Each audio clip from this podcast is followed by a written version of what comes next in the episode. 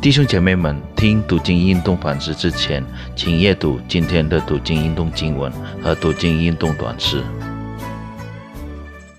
主的弟兄姐妹平安，我们感谢上帝，我们可以再次来到上帝的面前，聆听上帝的话语。我们今天要思考的主题是上帝给罪人的奖励，可能听起来有点不寻常。罪人为何得奖励呢？那么我们今天的经文取自于以西结书第四十三章第一节到四十四章第三节。希望我们可以事先读完这篇经文，然后我们再一起思想上帝的话语。思想上帝的话语之前，我们先低头祷告。主耶稣，我们的心充满感恩，因为我们是罪人，但你使我们成为义。并成为你的儿女，主啊，求你帮助我们时刻意识到你多么恩宠我们，好让我们使用你赐给我们的生命当做火祭献上给你。感谢赞美你，奉耶稣基督的名，阿门。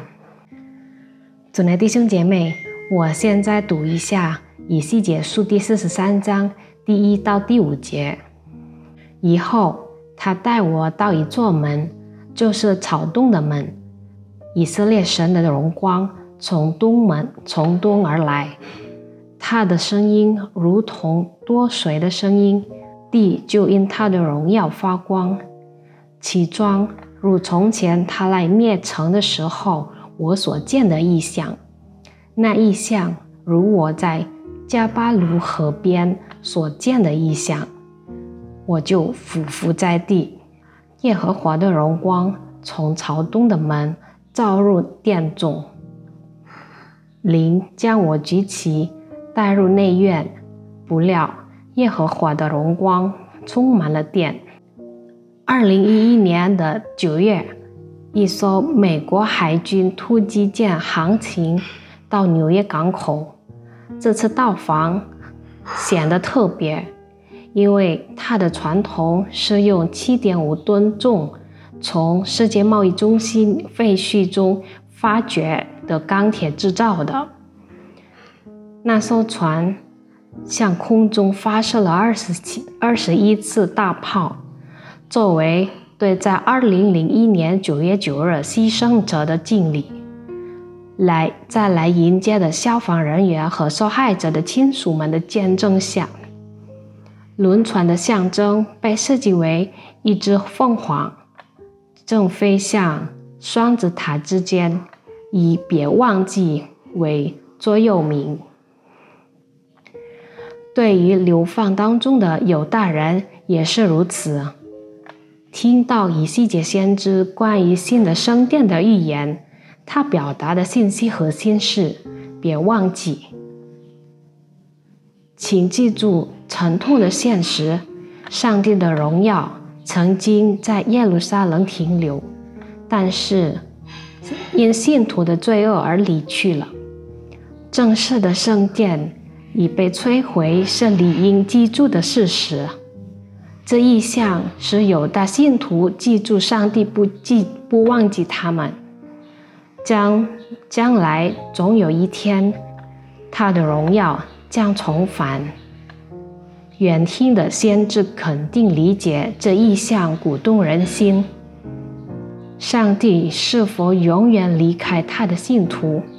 答案当然不是。为了上帝自己的名，也为了证明他承诺给亚伯拉罕的祝福并不撒谎，上帝将返回。上帝没有义务拯救他人。但是，上帝与亚伯拉罕之间的承诺，使得他必信守。今天的经文，以西结先知的意象，不译为字面上的解释，因此不要吃惊。如果这里没有记载关于流放之后没有荣耀的云彩返回圣殿，六百年之后。